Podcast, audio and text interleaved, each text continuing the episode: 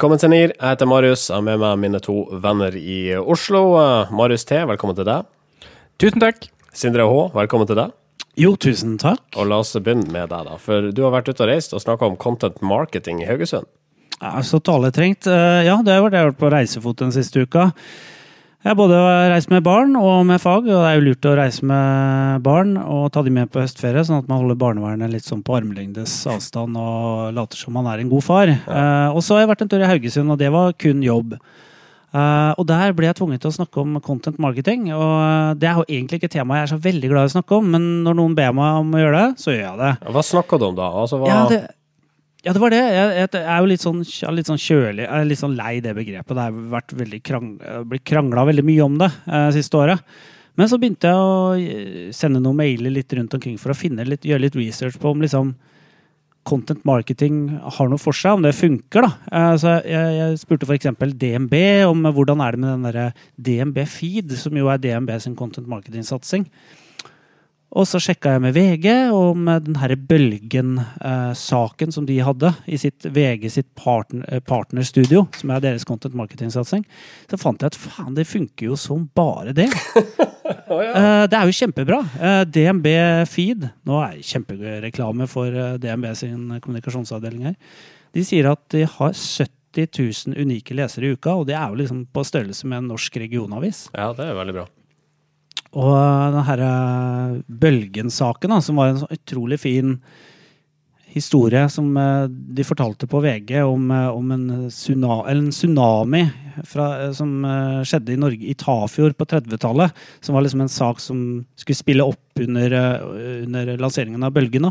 Den hadde 300 000 sidevisninger på to dager.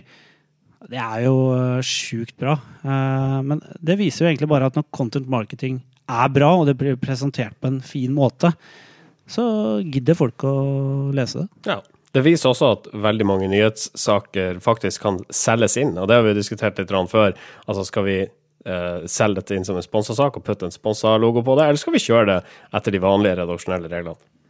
Ja, og så er det sånn, hvis, hvis du da velger å kjøre det som en kjøpt sak, så får du sikkert eh, bedre eksponering på VG. Du får, får ikke lov å ligge på vg.no sin forside med en sånn egen eh, etasje i tre dager, hvis du får en eh, PR-sak om bølgen i Tafjord på trykk. Ja. Eh, for det, det går bare ikke. Så dette er som hvis, hvis målet er at du skal lese, folk skal lese stoffet ditt, og, og, og, dette, og du har midler til å gjøre det, så ja, hvorfor ikke? Det er mer effektivt enn et PR-byrå, kanskje. Men uh, så er det den troverdighetsindeksen. Du skal jo alltid gange eh, reklameplassen med minst syv for å få PR-verdi, og da får du jo milliarder i PR-verdi. Ja, hvis du regner det sånn som noen av de mer spekulative PR-byråene i denne bransjen gjør det. Jeg sjekka ut en ting til. Da. Du vet den der Ung igjen-serien som DNB kjørte, som vi snakka om i en tidligere sending. Den der eh, web-TV-serien om han eh, trappesnekkeren som Magne. skulle prøve, Magne, ja, som skulle prøve å være 22 år eh, en uke. Eh, den serien der ble sett 600 000, hadde 600 000 visninger. Eh, og det var en kollega av meg på jobben som sa at ja, det er eh, det er liksom på Det er jakten på kjærligheten-nivå, liksom. Uh, Ja, det er jo, det er jo meget bra tall. det er veldig bra, det, altså. Kanskje vi skal begynne å betale Kreativt Forum for å beskrive om oss, istedenfor at de, de bare gjør det gratis. Ja, jeg tror faktisk flere vil lytte til oss da. Ja, ikke sant? Ja, meget mulig. Um, det hadde dog gått utover uh, uh, altså NIR-kassa, og den er relativt slunken per DD. Uh, vi må gå videre her. Hint, hint, uh, annonsører. Potensielle sådanne. Ja. Eh, Medier24 har gått side tre etter i sømmene pga. det de her om dagen presenterte som en nyhetssak. Og Med tanke på spredninga den hadde i sosiale medier, har du antagelig fått den med deg også, den om ei kvinne som skal ha forveksla byggskum med hårskum. Ja, eh, Gard Michaelsen, han eh, tar eh, han, i, i Medie24 Han eh, tar samfunnsoppdraget de har, alvorlig. Og, og spør Side 3 om hvorfor de har publisert et uh, to-tre år gammelt bilde uh, som en eh, nyhetssak nå. uh, og, og liksom da kuppet litt eh, sosiale medier den dagen. Det var jo blant eh, Norges mest delte saker eh, i forrige uke. Og, og side, side tre de svarer det at eh, jo, de hadde funnet dette bildet og trodde det var publisert nylig. I tillegg så hadde de sjekka på Snopes, som er et sånn viralgransker-nettsted, eh, på om dette var en ekte sak eller ikke, og ikke funnet noen henvisninger til at det ikke skulle være en ekte sak. Så gjort kildekritikk. Og I tillegg så var det bare en humorsak, så Ja. det er ikke så farlig. Nei, ikke sant? For Eh, det, altså, hvis det, så lenge det er humor, så er det lov. Altså, eh, det, altså Medie24 har gjort et omvendt bildesøk eh, på dette bildet her og funnet ut at eh, det er publisert flere steder tilbake i 2012, så det er altså et eldgammelt bilde som nå dras opp igjen, eh, som om dette nettopp har skjedd. Ja, Det er veldig fascinerende hvordan sånne saker kommer tilbake igjen.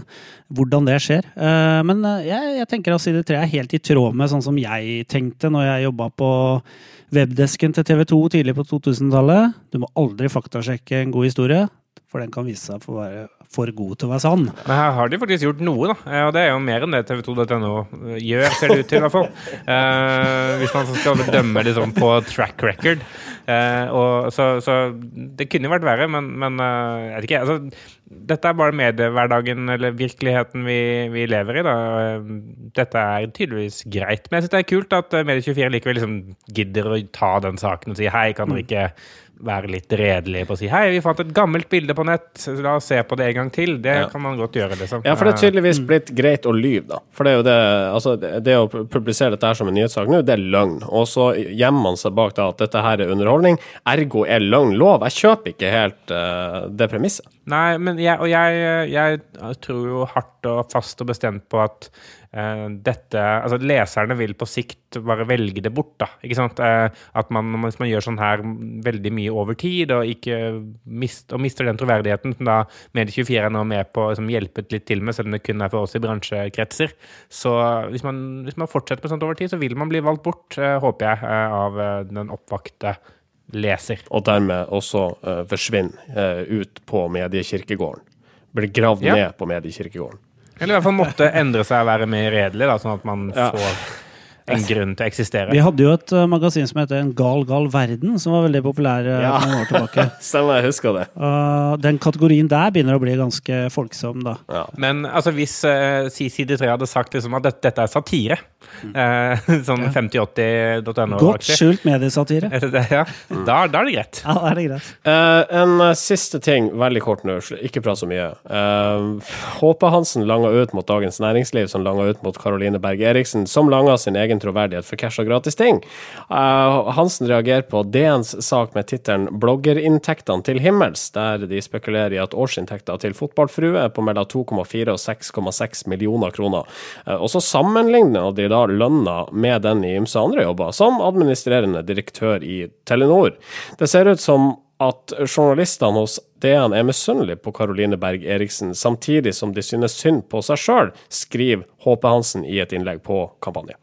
Eh, ja, og det, det er jo et poeng eh, vi også har gjort eh, før en gang, husker jeg. eh, for noen, opp, noen episoder siden eh, hvor vi diskuterte en lignende sak fra jeg husker om det var E- E24 eller, eller DN.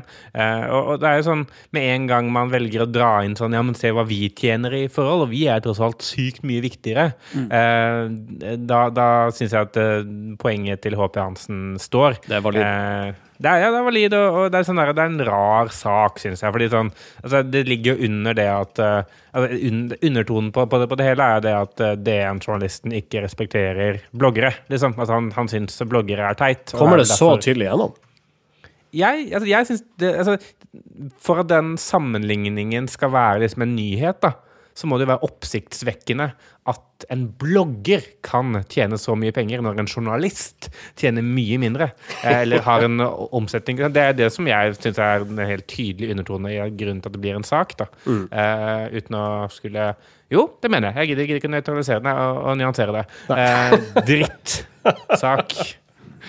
Altså, og, og Håpe Hansen trekker også fram um, et poeng vi også har diskutert tidligere. Altså, de, de sammenligna med eh, lønna til journalister. 50 000-80 000 tar hun for et, eh, et, et, en eller annen reklame, eller hva det måtte være. Eh, det er like mye som en gjennomsnittlig journalistlønn. Og konklusjonen sist vi diskuterte var her, det var da djevelske journalister skulle ha betalt. Gjennomsnittlig journalist. Jobba det en gjennomsnittlig journalist hos Side 3? Jeg håper ikke det. Nei, det gjør nok ikke det. Det, det, det ville vært for ille. All right. Tommel opp for Hoppe Hansen. Tommel opp. Tommel opp. Da skal vi sette i gang denne sendinga. Det er nummer 125 i rekken av uh, utgave av Norske informasjonsrådgivere. Velkommen. Norske informasjonsrådgivere. Akademikere som uttaler seg om PR-kampanjer er altfor kritisk og ikke god nok til å sette seg inn i sakene de kommenterer. Det mener Dynamo-rådgiver Sigmund Malkenes, som har et innlegg om saken på kampanjen. Bakteppet her er Coop Kaffe-kampanjen vi snakka om i forrige uke, der Coop altså lurte hipstere på Grünerløkka i Oslo til å tro at de kjøpte eksklusiv og fjong kaffe fra deres pop-up-shop, eh, men det var i realiteten Coop Kaffe. Og så er det noen kritiske røster, som reklamenestor Alf Bendiksen som mener Coop ikke har vært flink nok til å bygge merkevare, og at han er usikker på om det å lure folk er riktig vei å gå. Det er en gjennomgående trend at ekspertene som uttaler seg, ofte ikke setter seg inn i kampanjene de kommenterer, og da bommer de også på kritikken, mener Sigmund Malkenes. Ja, jeg syns han har et uh, lite poeng her. Uh, for, for, nå har vi hatt flere såkalte lurekampanjer som har uh, vært tilsynelatende ganske vellykka. I hvert fall har de fått veldig mye oppmerksomhet i, blant folk i sosiale medier og i media. og du har jo også denne barnebryllup-kampanjen, som vi selvfølgelig husker. Og det, det, som jeg savner nå, når, når da Bendiksen, Peggy Brønn og en del andre sier at eh, de er negative til å bruke lureri som grep, så lurer jeg på er det ikke på tide å begynne å forske på det? Er det ikke på tide å begynne å finne ut av om det grepet kan fungere uh, i en kampanjesammenheng? For det er jo mer interessant enn å sette seg på sidelinja og være sånn uh, tante Sofie og stå med pekefinger. Jeg, liksom, jeg, jeg, savner at akademikerne og forskerne setter seg mer inn i de kampanjene som blir laga, og ikke setter seg på utsiden hele tiden? Ja, altså det, det, er to, det, er to, ting som, eh, som er viktig. Altså, det første er jo det Sindre er inne på. Altså, hvis du er, skal uttale deg som akademiker, og du mener at det å være ak akademiker da eh, gir deg grunn til å kommentere noe, da må du også kommentere det på en akademisk måte. Da, da kan du ikke måtte gi kampanje soundbites som er sånn der Dette er eh, Dette liker. Dette, liker jeg ikke. Dette er jeg skeptisk til. Jeg raser mot eh, dette. Altså, da må man si eh, forskning fra Belgia med eh, Lorentzen et al. viser det at eh, denne type kampanjer har en sterk korrelasjon med eh, synkende omdømmescore fra Reputation Institute. Et eller annet. Eh, jeg er ikke akademiker, men jeg har en mastergrad og er dritsmart. Eh, nummer to. nummer to er det at det er også viktig da, at uh, godeste Malkenes reflekterer litt over det som Peggy Brønn skriver i kommentaren under hans kommentar. Nemlig det at uh, det virker som det er en del rådgivere i byråer som mener det at hvis en kampanje har fått en enorm publisitet, da, så er det det samme som at den er veldig, veldig bra. Og det kan jo tenkes at Coops eh, kaffestunt, selv om det har fått masse omtale, ikke løser de utfordringene som Coop har. Og at det således var ikke riktig ting for Coop å gjøre. Eh, og det samme kan den barnebryllupssaken også eh, gjøre, fordi det er ikke noe dokumentasjon eller det er sikkert dokumentasjon, men den dokumentasjonen har ikke jeg sett, eh, på at dette har liksom økt bevisstheten rundt dette varig over tid. Og betyr det da at det var det riktige grepet å gjøre? Det er viktig at man ikke ser seg blind på shit, dette var en kul case-film. Jeg savner den derre hvor, hvor, Hvorfor går det ikke an å si ja, dette er, dette er interessant, men vi vet ikke nok om det. Altså det det blir veldig, veldig ofte liksom gjentagende moralsk forargelse her, da. Og, og, og det syns jeg er gjennomgående når mediefjes uttaler seg om ting. Om det er liksom Jarle Aabø eller Peggy Brønn eller Sigmund Malkenes. Altså sånn, hvorfor er dette bra? Altså, det, det sånn, eller ikke bra? Jeg, jeg, jeg, savner liksom begrunnelse på ting. Det er bare sånn at dette burde ikke kronprinsessen gjort, mm. fordi i dag vil folk like henne mindre. Jo, men hvordan vet du det? Ja, dette, dette, dette, dette, syns jeg også. Selvfølgelig syns synes jeg det, men det betyr ikke at det er riktig for det. Altså mindre føleri, mer empiri. Ja, ja og det blir kanskje ikke bra journalistikk. Da. Det kan godt hende at liksom, Jo, det gjør det. Ja, det, det kan, det kan godt hende at det ikke blir bra eh, clickbait-saker, men, men, hvis vi bare kan liksom, få en debatt som faktisk handler om noe konkret mm. det er mulig å liksom, bevisføre, da, da, blir jeg mye mer fornøyd. Da, da er jeg glad, da. Du gjør det. gjør det. Så gjør det. Gjør det, da. Ja. Ja. right. Vi, da slipper disse diskusjonene om, liksom, om ja. diskusjonen er riktig. For det, det, det, må vi, det, må vi, komme videre fra. Altså, vi, vi, må bruke en del tid på det her i NIRA. Ja, Ja, jeg, vi, har, vi har andre ting å gjøre, ikke sant? Vi har ikke tid til dette her heller. Så.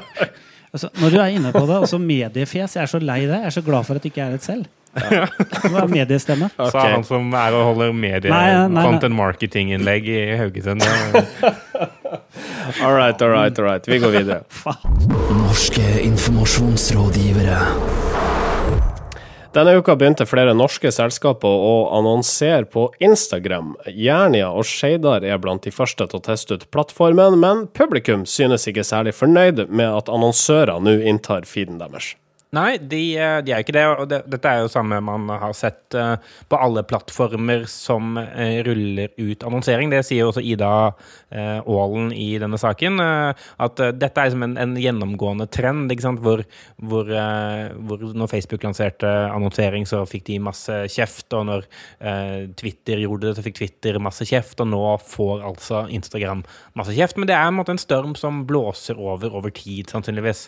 Det, det gjør det sannsynligvis. Jeg, jeg, jeg nå, skal ikke, nå skal ikke jeg være etterpåklok her, men jeg, jeg, anbefaler aldri kundene våre til å være først ute i en kanal. Altså eksempel når eh, Bergen da oppheva det her reklameforbudet, så, så tror jeg ikke det er lurt å være den første eh, som begynner å reklamere i Bergen. Nettopp fordi at folk eh, er negativt innstilt eh, til det, og man, det er uvant for folk. Eh, og det tenker jeg, det, her har jo Facebook, eller de som eh, eier Instagram, da, en veldig viktig jobb foran seg. Eh, med nettopp at du må tillate veldig lite annonsering nå i starten, tror jeg. I tillegg så må du passe på at ikke frekvensen blir for høy, sånn at eh, Sånn at du treffer folk for mange ganger i løpet av en dag, f.eks. I tillegg så må jo på en måte Facebook nå, eller Instagram, da bli en sånn herre estetikkpoliti, egentlig. For de må jo passe på at eh, annonsørene ikke publiserer stygge logoer og, og, og stygt innhold. Da. For, Ja. for det er jo faren her, med en kanal som, som er veldig bildedrevet. Ja, og det, det skal sies, sies at uh, Instagram de er ganske sånn strenge på dette. Det, det er uh, blant annet at uh, du har en tvungen frekvens på én per dag. eh, det er satt. Og det må, igjen, må godkjennes. altså mater- Materiellet ditt må gjennom en sånn godkjenningsprosess før du får lov å bruke det. Eh, så de har tatt en del grep fordi de er redde for at eh, Instagram-feeden din skal se ut som Facebook-feeden din gjorde i starten, når Ida Vollvik og co. fikk lov å slå seg løs. Eh, det, men men det, som jeg syns er litt eh, spennende med dette, er hvordan skal man gjøre det? Fordi en, en del av de som har fått lov til å annonsere, de har valgt en veldig sånn estetisk eh, eh, tilnærming til det, hvor det er sånn, hvor Jernia har bilder av, et, av en sykt fresh designerleilighet, og eh, noe, du kan kjøpe noe stekespade eller et eller annet sånt. Eh, og, og alle skal ha hatt mye sånn inspirasjon. Men, men det som den brukersettingen man når folk i på Instagram, som er liksom kanskje litt mer personlig og eh, litt mer sånn tett på, da. Eh, det henger ikke helt sammen med et sånt der superoppglossa bilde, da. Så det, jeg, jeg frykter litt at Instagram, gjennom å sette veldig sånn sterke, eh, tydelige formatkrav på hvordan ting skal være og se ut og virke, kanskje også undergraver litt effekten som ligger i Instagram-annonsering, som er nettopp den der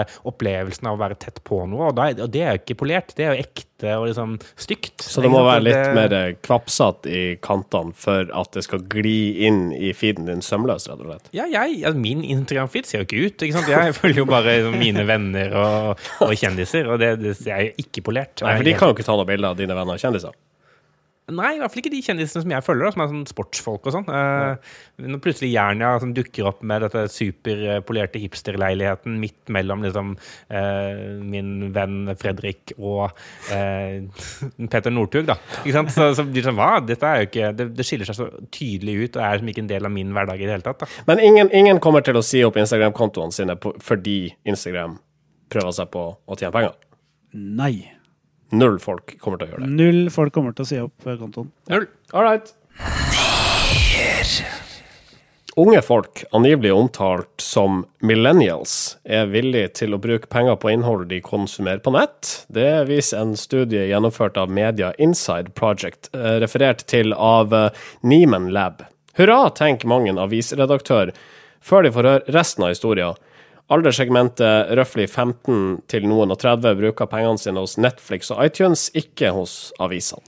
Ja, eh, undersøkelsen viser jo at det er ganske mange som har betalt for innhold på nett, men det gjelder jo også Candy Crush på Facebook. Eh, det, da. Eh, sånn at eh, det betyr nødvendigvis ikke at man har kjøpt et abonnement på New York Times. Eh, men det at eh, alle disse her millennials-folkene ønsker at alt skal være gratis, det er ikke Det er veldig unyansert, eh, viser denne rapporten her.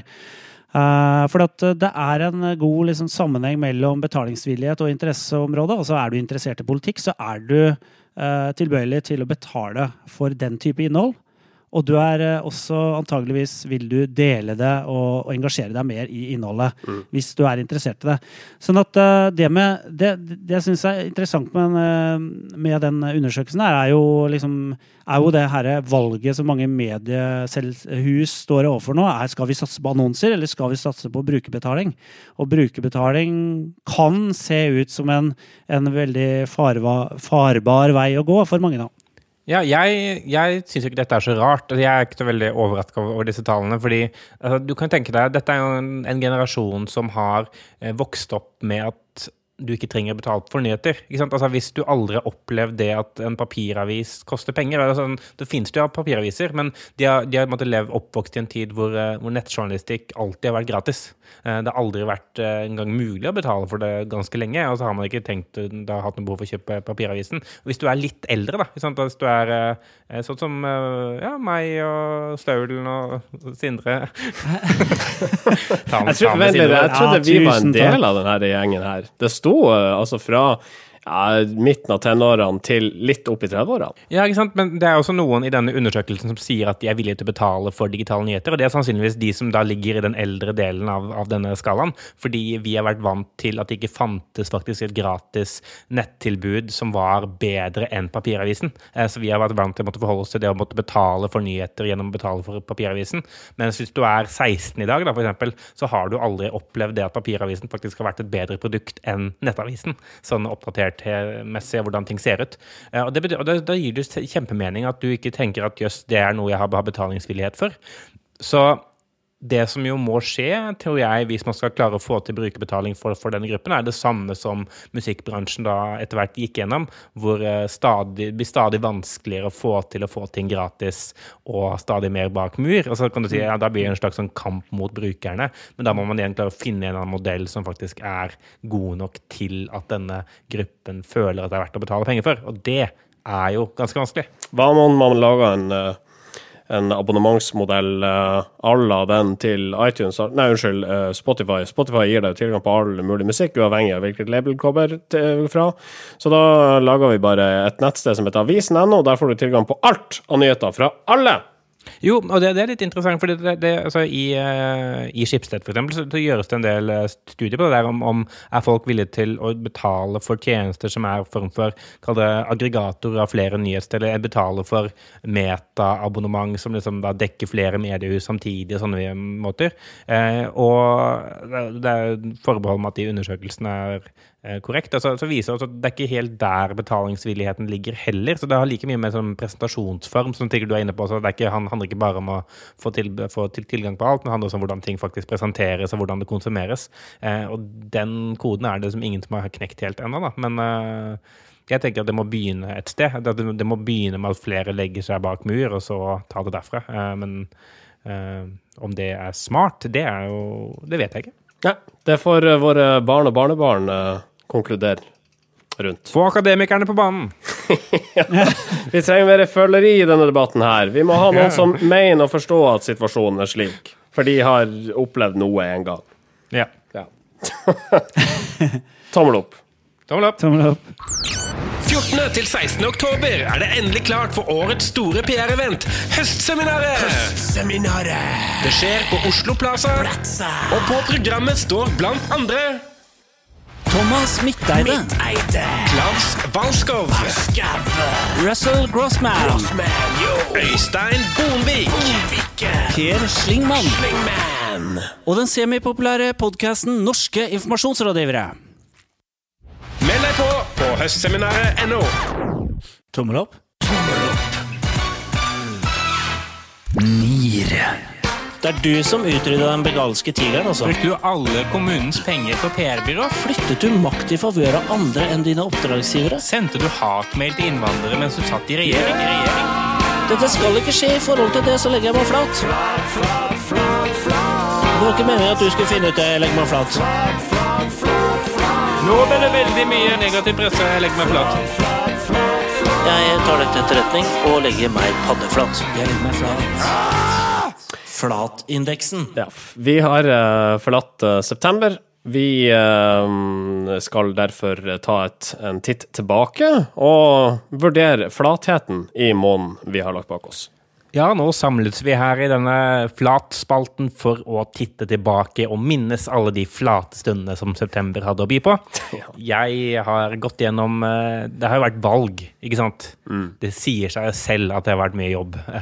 Og vært mye flatlegginger fra alt mulig rart som kan krype og gå. Det er mye politikere, og så er det et par eh, medieinstitusjoner som har da publisert eh, valgdagsmålmålinger for tidlig, f.eks., eller, eller rett og slett bare hatt litt noe, hatt noe feil. da. Eh, Det var et mediehus som brøt fullstendig sammen, f.eks., på valgdagen, og de måtte beklage det, uten at det kvalifiserte til topp tre i denne spalten. Nei, la, oss, la oss begynne med hvor mange flatlegginger er observert i september? Nei, det, det er jo en, Jeg tror det er en form for rekord. Jeg telte 63 Wow, unike. ja, det, det er... er- jo insane. Oi, oi. Det er ganske mye. Og uh, blant de 63 så har du altså funnet de som er verdt å trekke fram, litt til spott og spe, for vi er ikke spesielt uh, glad i flatlegging som uh, PR-grep.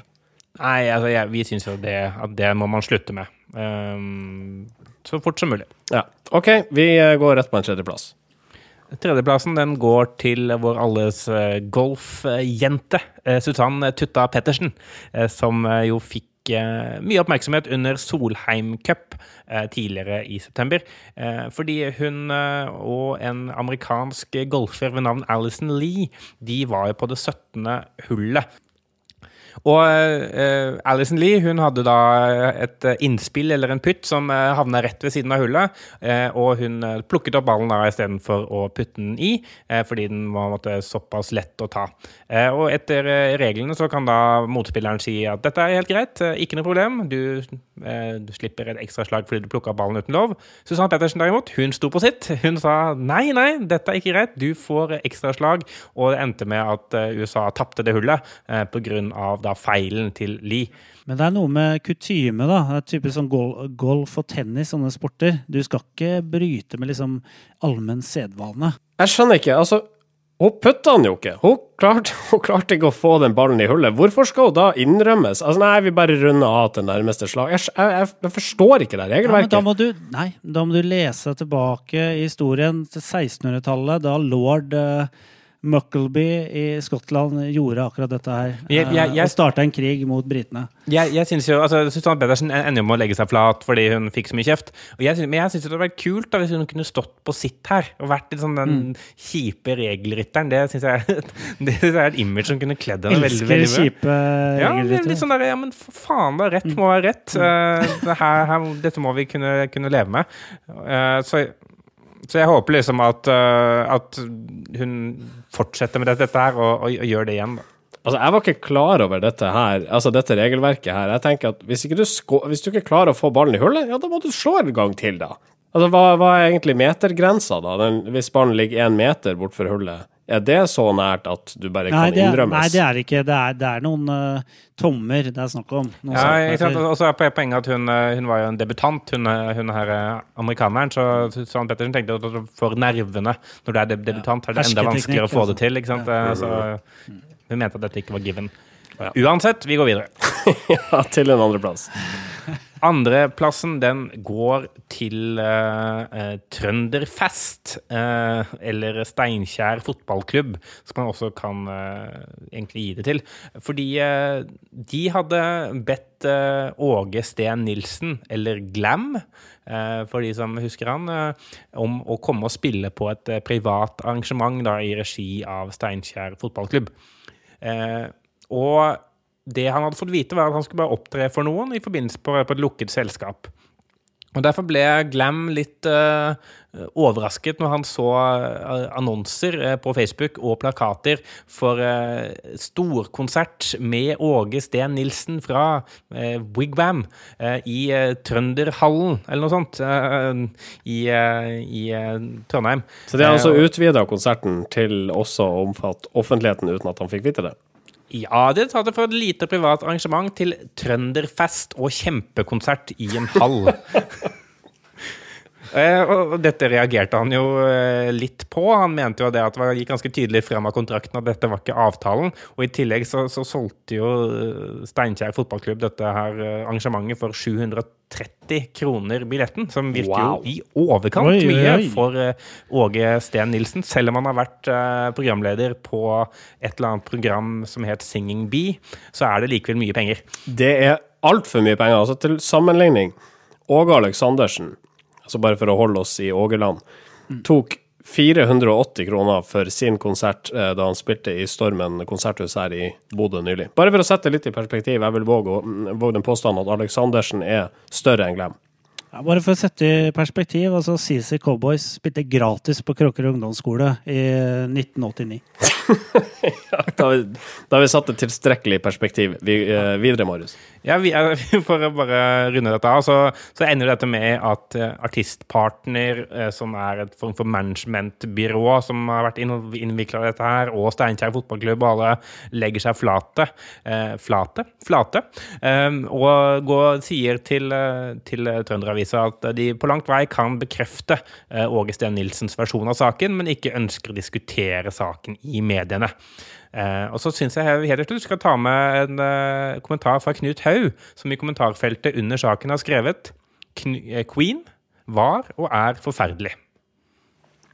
Da går vi til september måneds flateste. Ja, og det er Erling Lenvik. Han er altså ordfører i Midtre Gauldal kommune. Eh, Sindre er sikkert interessert i at Midtre Gauldal kommune de har slagordet 'Der vi møtes'. Ah, det Fantastisk. gjelder jo ikke oss. Altså Hvis vi skulle slå slagordsjekka det, eh, så hadde det ikke vært der vi møtes. Men det er sikkert for noen så gjelder jo det veldig subjektivt. Eh, med en gang. Ja. Det burde vært der noen møtes. Ja, Der enkelte møtes, for det er sikkert ikke så veldig mange. der de som er der innimellom, møtes. Ja, tilfeldigvis eh, kan det være andre også, hvis de er på vei Hvis det er forbi, eller Ja. Vi må effektivisere det slagordet. Altså det kan ikke være så langt. Alle de forbeholdene må puttes inn i én setning. Ja. Ja. Du, kan sånn stjerne, du kan ha sånn stjerne på slagordet, og så har du det i parentes under. Men all right. Uh, ordføreren der er i hvert fall uh, flatest i september. Ja, han, altså godeste Erling Lenvik, han fikk jo litt sånn småpanikk før valget. Eh, Og han eh, valgte da å sende ut en e-post til alle kommunens ansatte, hvor han fortalte om Arbeiderpartiets politikk og oppfordret folk til å støtte Ap. Eh, Og, og det er jo litt sånn problematisk, fordi det er jo ikke greit. Og det er jo sånn litt sånn form for misbruk av ordførerembetet. Eh, og når han da blir konfrontert med dette Dette er også Trønderavisa, faktisk. De, de har topp to saker. Eh, når han blir konfrontert med dette av Trønderavisa, så legger han seg flat og sier at eh, jeg ser at en e-post med politisk innhold fra min posisjon til kommunens ansatte, det burde jeg ikke gjort. Det politiske innholdet i e-posten det, ja, det er det politiske innholdet i e-posten som gjør at jeg ikke burde gjort det. Å ja! Hvis han hadde, hvis han hadde sendt, altså forutsatt at hele embetsverket sitter i samme bygg som ordføreren, hvis han hadde sendt ut en sånn e-post om at ja, nå på fredag så er det vaffelfredag, da kan dere alle samles for gratis vafler i kantinen, da hadde det vært greit. Det var, det var, det var helt greit, så lenge det- det ikke var Nå er det en vaffelfredag for alle som stemmer Ap. Det Ja, er ikke sant? Altså, for, det var innholdet det var, som ikke var greit. Ja, det var altså ikke det å sende ut e-post, som Nei. man kunne først tro. Det var altså innholdet i e-posten som gjorde at dette ikke var greit. Det var ikke kanalen som var feil, det var innholdet. Ja. Um, forresten, der er Åge Steen Nilsen. Skulle han, skulle han synge Queen? ja, det, var det glemte jeg å si. Ja. Da gir jo den siste kommentaren litt mer mening. Ja, den gjør det. Hvis, Jo, det. All right, da sier vi tusen hjertelig takk eh, for uh, flatindeksen for september, Marius Thorkildsen. Norske informasjonsrådgivere. Kudosen går til NRK, som bruker Snapchat for å rekruttere ny programleder. Ja, det syns jeg de fortjener, for dette syns jeg er litt sånn ig eh, type fiff. Og derfor så, jeg de fortjener eh, skryt. Eh, De, de er jo eh, nå ute på bl.a. Facebook og spør om folk er Norges nye stjerne innen undersøkende journalistikk, fordi NRK Dokumentar søker etter en programleder til en ny TV-serie. Og da ber de folk sende dem snaps, rett og slett, på snap-handelen NRK innafor. Og da skal de vise da hvordan man eh, får foten i døra og kommer seg innafor på steder. Eh, og det er, ikke, dette, dette, det er fordi NRK er jo Jeg syns de er flinke til mye. da De gjør veldig mye bra. Og det er, flinke, liksom, det er mye flinke folk som jobber der med sosiale medier, med, med teknologiutvikling og sånn. Og dette er også bare et sånt grep som kanskje er veldig relevant for den, akkurat den type mennesker de trenger til, dette, til denne type uh, stilling. Kudosen går altså til NRK, uh, og vi går videre. Eh, til sist så tar vi med at du har jobba med en bilkampanje denne uka, Sindre. Ja, det har vært litt uh, morsomt. Eh, jeg jobber jo med Peugeot, og de har hatt en radioreklame som uh, Altså, de som har hørt den radioreklamen, kan ikke unngå å legge merke til den. Den er ganske tydelig. Jeg kan jo høre et lite, en liten snutt. Her er en tre meter lang sang. Passer perfekt i en partner. Har du en tre meter lang stang? Kan du frakte den bort med partneren? Har du en tre meter med plank? Bare sleng det inn i partneren. Her er en tre meter lang sang. Passer perfekt i partneren. Stopp han der, ja. Ja, dette er jo perfekt uh, vorspiel-materiale. uh, og og vi, vi som jobber med Facebook-siden til Peugeot, vi så jo at eh, når den gikk på radio, så fikk, så fikk vi veldig mange henvendelser om folk som ville ha den som ringetone, folk ville at den skulle komme på Spotify osv. Så, videre. så vi, vi tenkte at uh, men for å få liksom gjort dette godt uh, Facebook-materiale, så, så lagde vi en animasjonsfilm som kan gå med den låta, og det har jo tatt helt av. Eh, og når vi snakker nå, så er det liksom 1200 delinger på Facebook og sånn organisk reach, som det heter, på 500 og ja, Det har vært litt sånn morsomt å, å jobbe med en uh, så annerledes kampanje. Altså, man, man, må, man må bare slutte å lage sånn, van, sånn vaniljereklame, da, som liksom eh, ingen hater, men heller ingen elsker. Altså Ingen vil velge vanilje hvis man kan velge noe annet. Eh, så man må man ha, enten må man lage liksom sjokoladereklame, eller så må man lage da, som dere har gjort, som er så, is med bæsjsmak. Og det, altså, det, da får folk oppmerksomhet. Da. Det er jo eh, sånn Pet, Petter Gulli, da, som jobber i DDB, som er eh, reklamebyrået til Peugeot, han, sa, han var også i Haugesund, og han sa at hvis du blir presentert for en, noe du aldri har sett før, så er det sannsynligvis en bra ting. Da fikk vi skvist inn litt reklame på slutten av uh, sendinga. Vi er ikke sponsa av Peugeot. Nei, jeg er det. Ikke, ikke dere. Og jo, eh, høstseminaret er ikke så langt unna heller. Høstseminaret. Høstseminaret. Nei, det er ikke det. eh, Og det blir utrolig spennende. Der skal vi ha gjester. Det blir, ja, det blir ikke veldig spennende. Det fikk jeg beskjed om å ikke si sist. Eh, Det blir sånn passe. Jeg tror det blir gøy. Jeg, jeg, jeg har fått godfølelsen nå siste, siste uka. Jeg begynner også å få det, Eh, altså. Så jeg, jeg ville betalt uh, penger for å komme og se det. Og det kan du gjøre på høstseminaret.no. Eh, vi har vel ikke ordinær sending i neste uke fordi at vi er nede i Oslo hele gjengen.